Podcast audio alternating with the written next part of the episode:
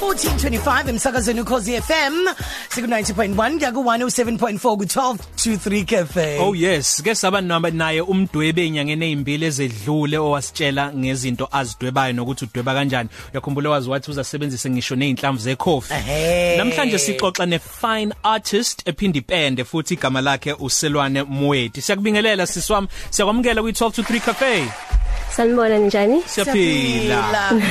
Ukuba useduzane nje bese sidwewa manje yazi oh Oh, anytime. hayi akusenani manje ke sis usitshele umehluko phakathi kwe fine artist and no no no nomehluko we we we we, we visual artist I fine artists eh, I think umsebenzi wabo usually u- umcwaningo o reference kakhulu izinto ezenzekayo and izinto ze history. So uma we fine artist usually we get trained in the history of art. You get trained ukuthi how izinto zenzeka kanjani kudala ukuze zi influence izinto ezenzayo right now. So I think umehluko kwaloyo sometimes visual artist ungathola ukuthi uyakwazi ukuthi udwebe umuntu njengoba eyona lo muntu angathi ukuthi u visual artist but mase uyi fine artist that's when you get to ukuthi uphindele emuva uyokwenza ama research izinto ezenzeke before and how you can be relevant kumsebenzi wakho right now? O imake kusho ukuthi uma ubuzongidweba eh njenge visual artist akudingi ukuthi uzwenzele locwaningo olungashintsha indlela le- leyo nto idwebile eyiyona uma udweba njenge fine artist usho lokho? Yeah ngisho kanjalo. Oh okay ngiyayizwa ke wena ke waqala nini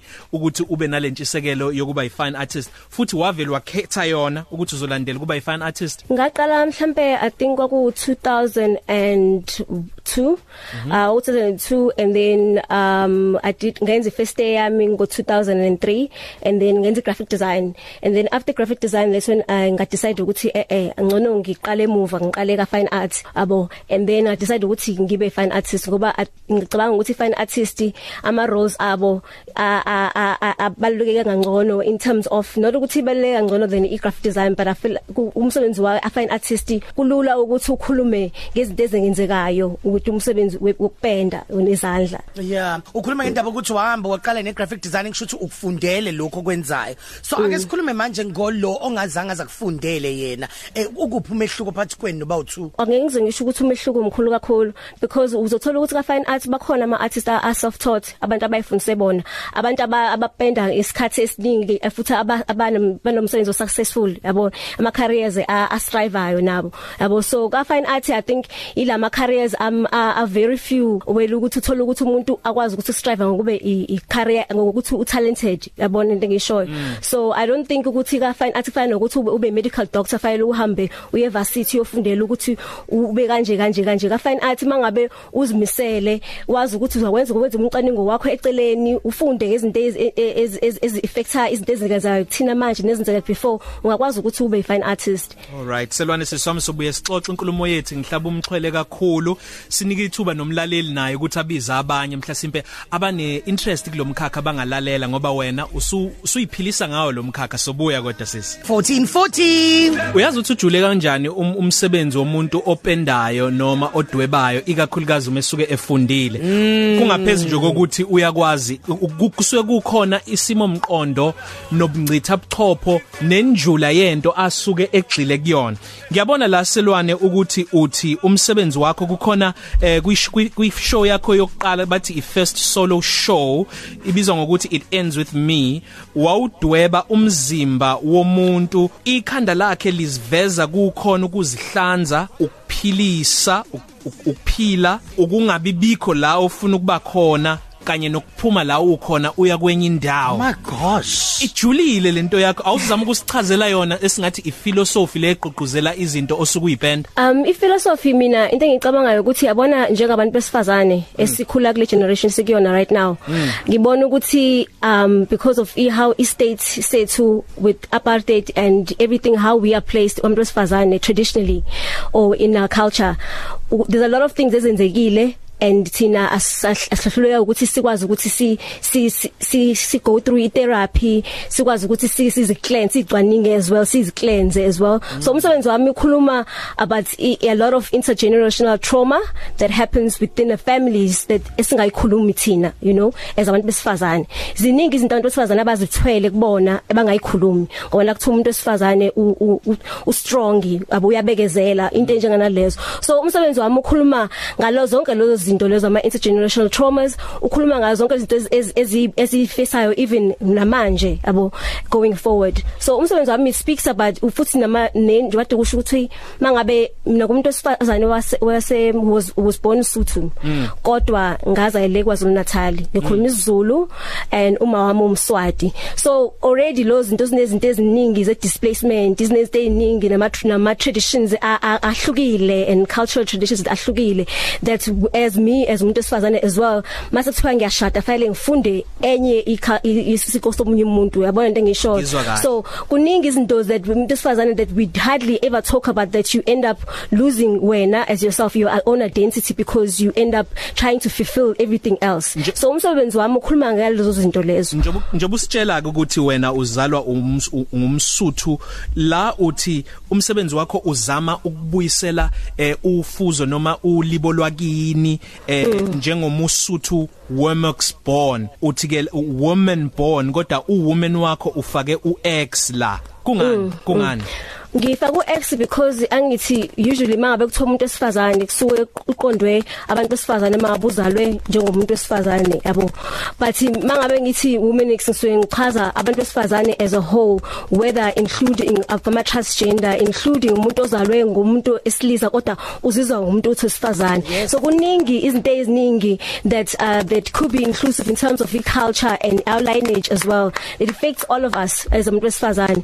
And i exhibition le kade ngikhuluma ngayo ends with me izobe opened actually namhlanje kusasa actually tomorrow mm -hmm. uh at 12 o'clock at the Museum of African Design eMaboneng. Oh wow. Yeah. So angitshele ke Silon um um umsebenzi wakho mhlambe osuku wawenza noma esithi owakuthatha isikhathi eside wakunika nanenkinga nje ukuthi uhlanganise ndawonye kwakuyimuphi? Futhi wawudibana um okay. Umsebenzi laphe ongiside wakugama la ukuthiwa she owns she mm. em lo msebenzi ukhuluma ngomuntu esifazane ogcina ese ese ese accepta ngawonke ama fault ayiwona mm-hmm. ese accepta ngokuthi nginjena and ngizokwazi ukuthi ngiqhubeke nginjena even though izinto eziningi you know ukuthi kuthiwa abantu esifazane fanele uwazi ukuthi uthathe izinto zingene kuwena yabo mm. ungakwazi ukuthi uzi express yabo mm. usually mangabe umuntu esifazane uhleze kuthiwa i emotional yabona i think it's time for us ukuthi si embrace konke lokho. So lo i think because kwakuyi PC e personal. So ngenza sure ukuthi i took my time ukuthi ngiyenze and futhi mabo wenza umsebenzi umsebenzi ubumba. And niyazi ukuthi nge nge culture yethu ubumba it's usually used for mabe ufuna ukuyiz cleanser for purification mm, mm. and also a sense of becoming. So it's usually used for other abantu abakhwetha when they go entabeni or amathwasa when they becoming you know a different form. Mm. so so ubumba ngiyabusebenzisa na kwi canvas yami and I also use i, i, i oil paint. I oil paint ithatha isikhathi eside ukuthi ihlale kwi canvas so you can't do it for in a space of 2 weeks. File unika isikhathi. So it usually is 3 months. Mm. for i painting mhlambe but if i ngwenze in conjunction with each other mhlambe aba u4 ngesikhathi esisodwa oh. yabo eh so njengamanje mase kuthiwa udweba eh, isimo njengoba sibona iningizimu Africa ukuthi kwenzakalani siyabona kwenzakala yonke indawo sifunda emaphepheni sibona senkundleni zokuxhumana zonke lezi zinto ezenzakalayo njengamanje masethi uyahlanganisa i state of iSouth Africa njengamanje iyona ungasebenzisa umbalo onjani ungafakani eh ngingasebenzisa umbalo o vivid and mangithi uvivid umbaba okukhanya kakhulu into efana njengo into ezophuzi obomvu umbala owenza sure ukuthi mabe ubona uya attractor for the first time. Futhi nakhona ube nalowo kwesimba sokuthi uyalwa as well because i feel like sikwi steps of i rapture si asikho stable as a country yabo? Iziningi izinto ezingenzeka yabo. So i think it's up to futhi abantu abafana njengana nama artist ukuthi sikwazi ukuthi sikhulume izitori zethu sikhulume izitori zabanye abantu you know? Sikwazi ukuthi si babone labantu abahlala nathi ukuthi there is a plan you know in the future. There is a hope to a future.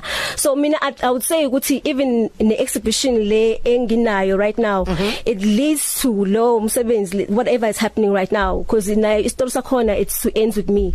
So mangikhuluma ngikhuluma but from i point of view umuntu osifazane mm. umuntu omnyama ohlala e, e, e South Africa. Selwane umsebenzi wakho ujule kakhulu uyabona ukuthi kunokucabanga nokujula okukhulu. Mangase ngithi ngiyayicabangela awukho commercial okusho ukuthi awutholakali kalula eh ukuthi uthenge futhi ngeke uzubonakale ko magazine nasezitolo kalula. Kumele uzuye kulombukiso wakho owushoyo noma uye kwi art gallery noma ngempela uzufunisisa uwathola kanjani amathuba ukuthi uzugcina wenza imali? Amathuba ngiyawathola because ngiyakwazi ukuthi nje bakadusho nje ngikhombisa kwama art gallery noma kwama art fair nginomuntu engisebenza naye oyi art agency yami. Um oyona futhi curator yami uyena okwazi ukuthi adile nama clients as well as umdayisa umsebenzi wami. Yeah. so ngibe nenhlanhla ngaloko ukuthi ngibe nomuntu okwazi ukuthi ngisebenze naye. Lesi sithombe nje esifakiwe njengamanje @tukhozi_fm ku Twitter no Instagram lesadu sichaza eh, ukuthi siveza umuntu ozihlanzayo oziphilisayo nozama ukusuka la akhona aye kwenye ingxenye. Ungasibiza malini nje? um mhlawumbe labona so it's 27 it's actually yeah between 27 and 33 wow. manje bayathenga abantu kuyaphileka nje impela. Yebo bayathenga. Bayathenga. Ngasho ukuthi imarket yase yeart la South Africa ay isencane iseyintsha mm. you know? And njengoba kusho ukuthi kuyaqala manje ukuthi kuba khona ama ama affair awu 3 ngesikhathi esisodwa njengoba kuleli sonto lesi. Yabo so it's a it's a new industry. So it's exciting. Abantu uh, you getting more and more. Mina most of my clients are me I'm proud to say I'm a, they're young black people you know? And the, usually 5 years ago bengekho bengakwenzeki lokho. So abantu i feel like more and more abantu abancane baya warm up to umsebenzi you know baya warm up to ama art and they they interested ukuthi ukuthenga ubuciko. So mangabe ngifuna ukuyobona umsebenzi wakho ngiyakiphi i Facebook page noma Instagram uh, page Twitter ngithola kubunendawo nje ungatype nje uselwane Moeti uh, that's S E L L O A N E and then it's M O E T I kuona wonke ama social media ngiyaqhamuka nje. Mawutype uselwane Moeti on Google you be able to ubona ku Twitter ku Facebook na ku Instagram Right. Sijabule kakhulu ukuxoxa nawe siswa umsebenzi wakho uyancomeka siyabonga. Kubonge mina. Positive Cafe. Ilunch yakho ayifani neyizolo.